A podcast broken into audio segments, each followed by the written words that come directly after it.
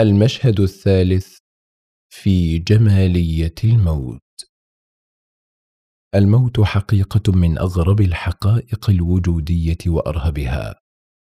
ولو نظرت قريبا هناك في سجون الهواجس التي تعتقل أولئك الذين لا يؤمنون بالروح لوجدت حيرة كبرى وتخبطا مظلما. ما الموت؟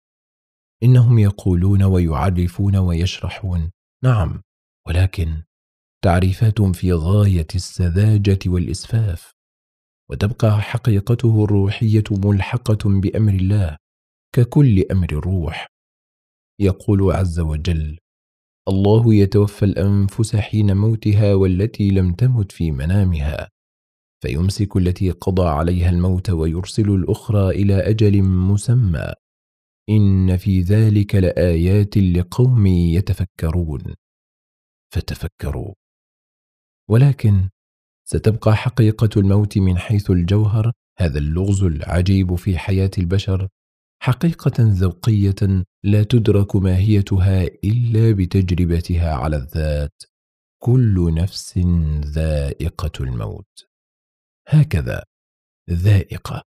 فلا أحد ينبئك عن جوهرها إلا أن تدخل بابها.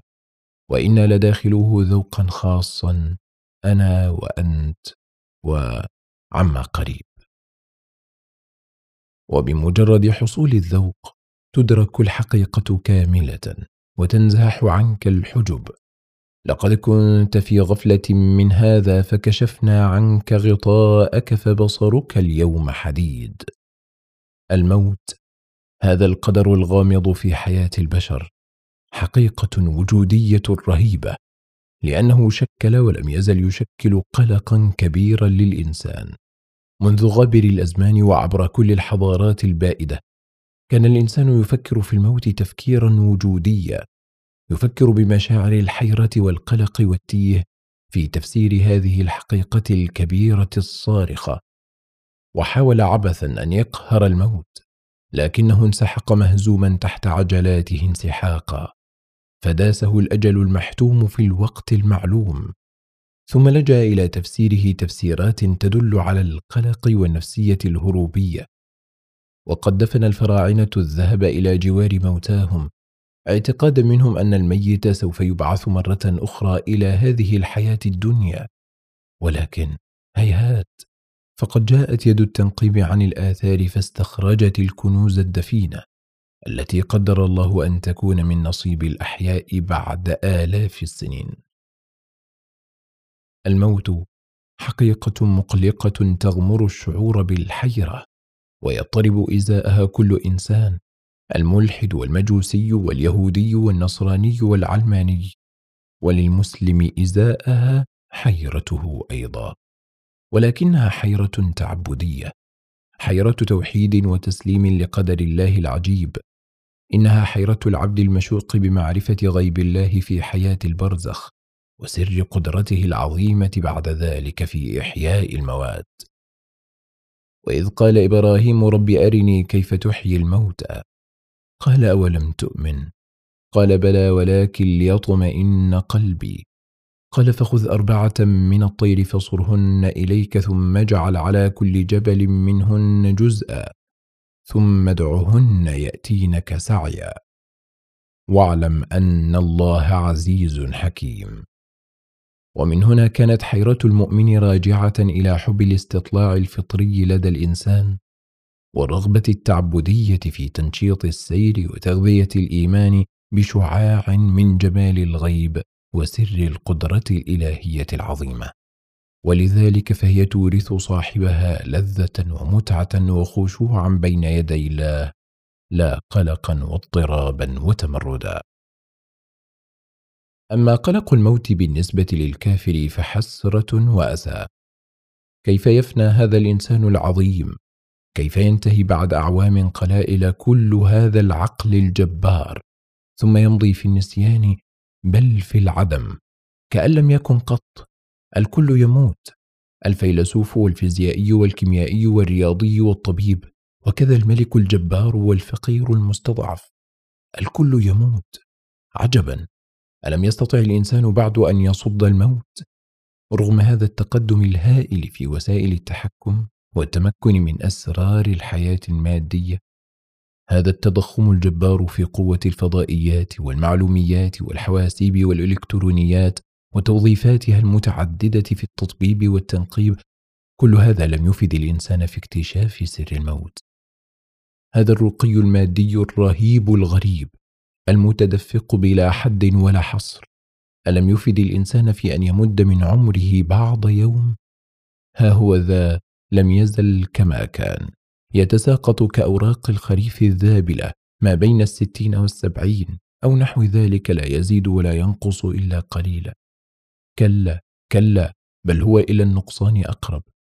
تقدم كل شيء في حياة الإنسان إلا تفكيره في الموت فلم يزل قلقا وحيرة قاتلة.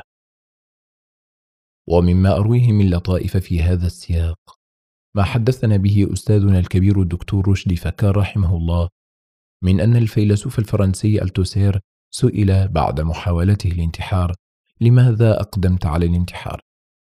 فقال أردت أن أستدعي الموت قبل أن يستدعيني فانظر إلى هذا الكاذب الجبان المبطن بالفلسفة وإنما هو قد فزع من فكرة الموت إلى الموت لعله يجد بعد قلقه استراحة وهو حال كثير من الذين تفزعهم حقيقة الموت وهم يفكرون فيها خارج أفق الإيمان الرحب الفسيح حتى إذا تطور بهم التفكير إلى حيرة وجودية تمكنت العبثية من مشاعرهم فلم يبالوا بعد ذلك بأي هاوية تردوا. ذلك أن قلق اللغز ورهبة المصير وحتمية الوقوع قبل أن يستدعيني.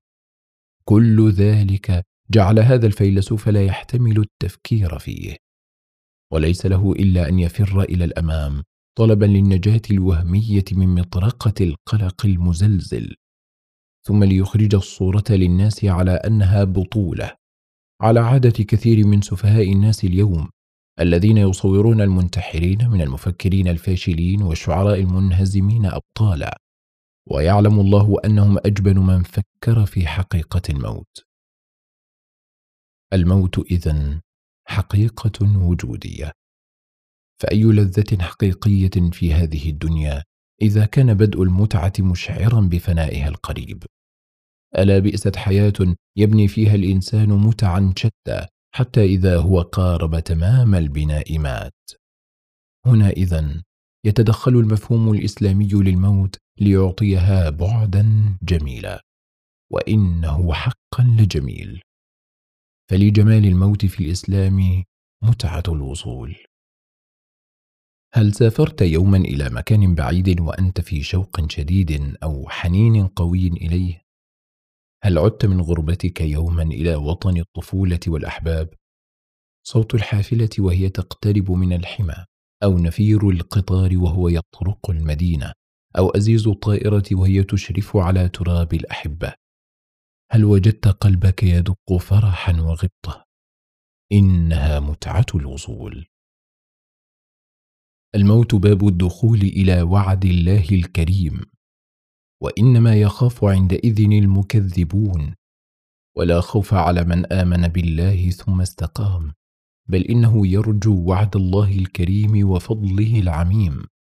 قال سبحانه إن الذين قالوا ربنا الله ثم استقاموا تتنزل عليهم الملائكة ألا تخافوا ولا تحزنوا. وأبشروا بالجنة التي كنتم توعدون. نحن أولياؤكم في الحياة الدنيا وفي الآخرة.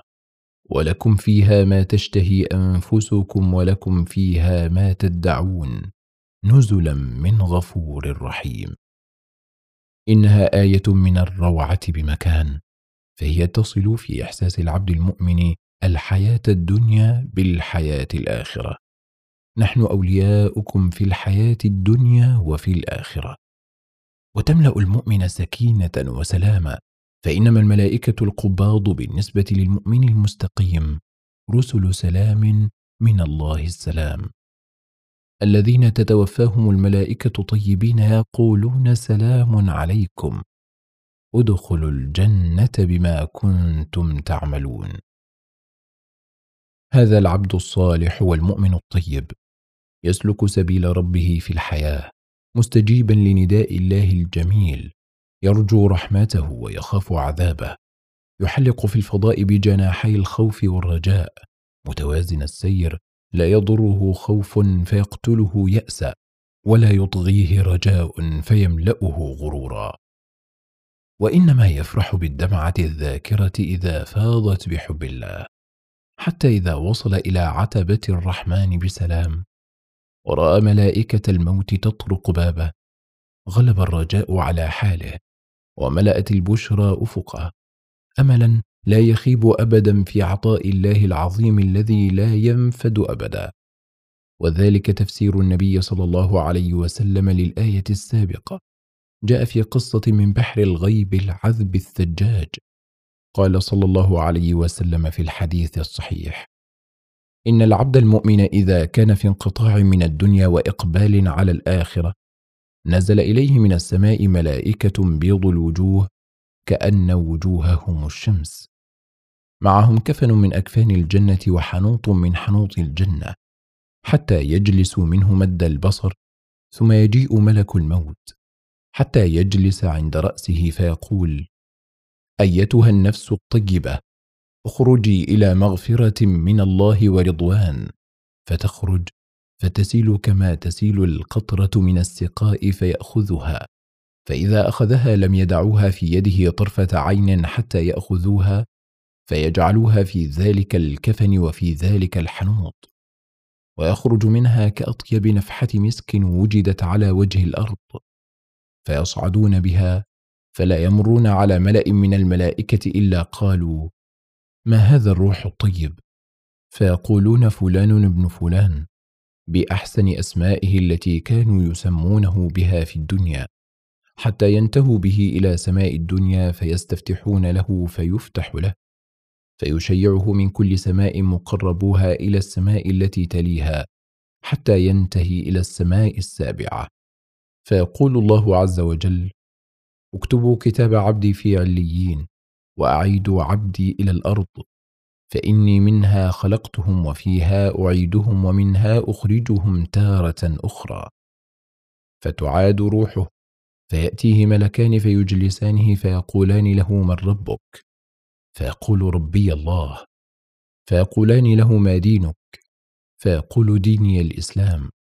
فيقولان له ما هذا الرجل الذي بعث فيكم؟ فيقول هو رسول الله. فيقولان له وما علمك؟ فيقول قرأت كتاب الله فآمنت به وصدقت. فينادي مناد من السماء أن صدق عبدي فافرشوه من الجنة وافتحوا له بابا إلى الجنة فياتيه من روحها وطيبها ويفسح له في قبره مد البصر. ويأتيه رجل حسن الوجه حسن الثياب طيب الرائحة فيقول أبشر بالذي يسرك. هذا يومك الذي كنت توعد.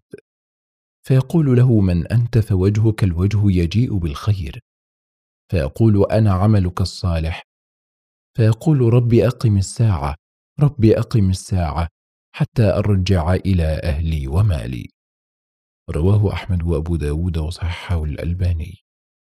يعني أهله وماله في الجنة. فيا لها من صورة روحانية ذات جمال.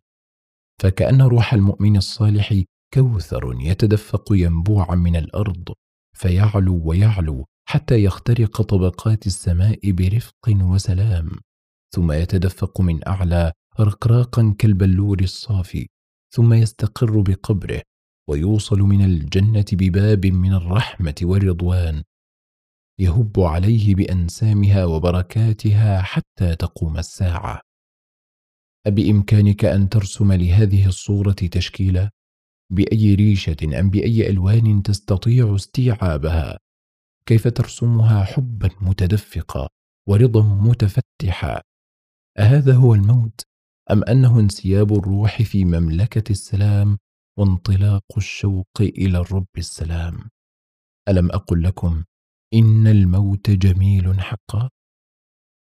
ولكنه جمال مقصور على الذائقين الذين تفطرت أكبادهم شوقا إلى يوم الدين. يوم لا ينفع مال ولا بنون إلا من أتى الله بقلب سليم. وذلك خفق القلب بالإسلام لله رب العالمين. ومن هنا كانت حياة المؤمن كلها أمنا وسلاما في الدنيا وفي الآخرة. وإنما هذه بالنسبة إليه استمرار لتلك.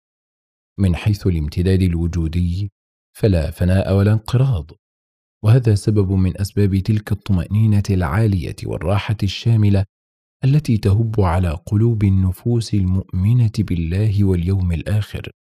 طمأنينة تطبع القلب بخفقات المحبة والشوق إلى لقاء الله طيلة العمر الدنيوي.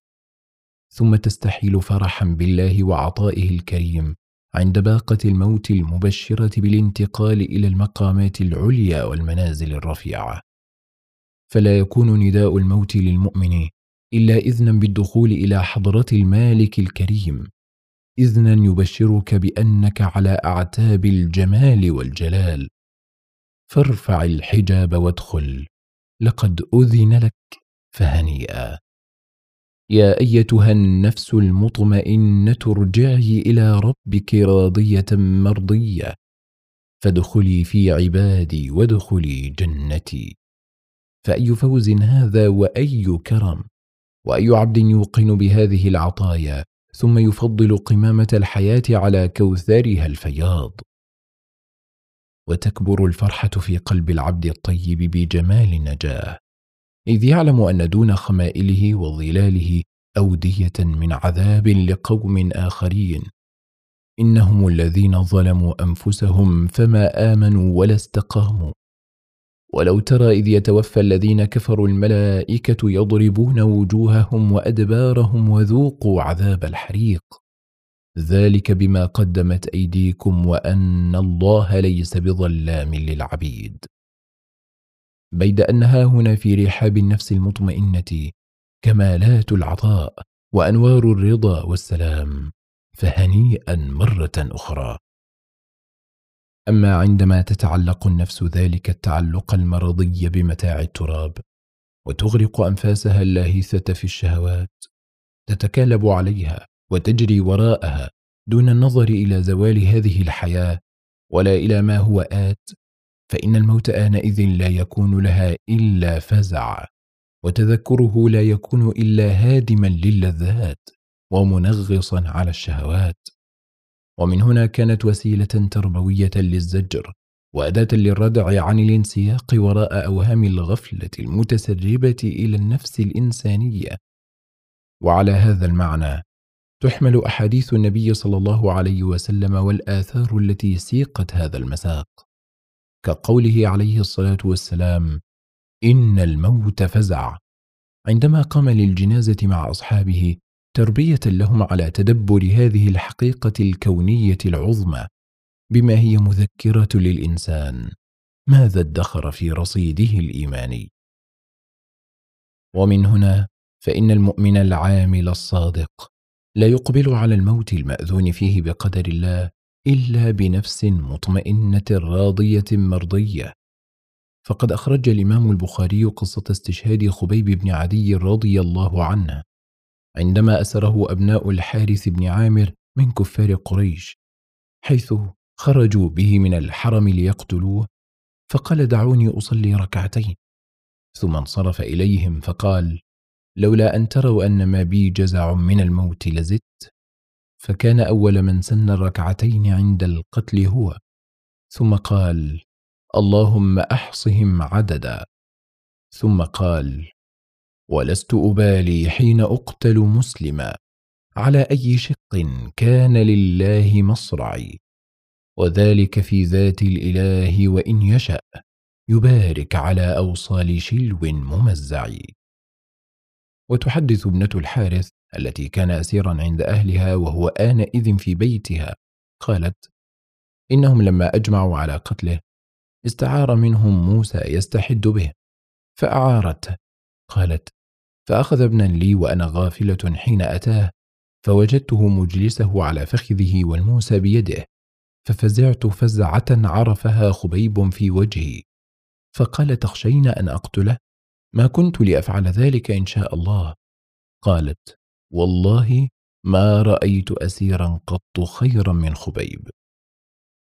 وكذلك أحوال غيره من الصحابة والصالحين كثير من مثل قصة القراء السبعين من أصحاب رسول الله صلى الله عليه وسلم الذين أرسلهم إلى قبيلة من العرب ليعلموها القرآن فغدرت بهم وقتلتهم. وكان من بينهم الصحابي الجليل حرام خال أنس بن مالك رضي الله عنهما فلما شرعت في قتلهم قال بعضهم اللهم بلغ رسولك أنا قد لقيناك فرضينا عنك. وأتى رجل حراما خال أنس من خلفه فطعنه برمح حتى أنفذه. فقال حرام فزت ورب الكعبة. نعم هكذا كانوا يجدون الموت لحظة ذوقه رضا بالله وعن الله وفوزا أكيدا يقينا. ولذلك قال أحد الصحابة وهو يواجه الموت في معركة أحد إني أجد ريح الجنة دون أحد. بل يصبح الموت في سبيل الحق لذة ومتعة روحية في حد ذاته. يستحليها العبد الناظر إلى حقيقته الغيبية. ولذلك قال رسول الله صلى الله عليه وسلم مقسما والذي نفسي بيده لوددت أني أقتل في سبيل الله ثم أحيا ثم أقتل ثم أحيا ثم أقتل ثم أحيا ثم أقتل. الحديث رواه البخاري. والأمر ليس متعلقا بأحوال الاستشهاد في سبيل الله فقط كما هو ظاهر هذه الأمثلة ولكنه حال المؤمن الموقن بالله عموما الظان به خيرا في سائر عمله الصالح. فقد رتب النبي صلى الله عليه وسلم في جزاء الأعمال الصالحة دخول الجنة على ولوج باب الموت. حتى لكأن الموت إنما هو باب من أبواب الجنة. قال مثلا من قرأ آية الكرسي دبر كل صلاة مكتوبة لم يمنعه من دخول الجنة إلا أن يموت.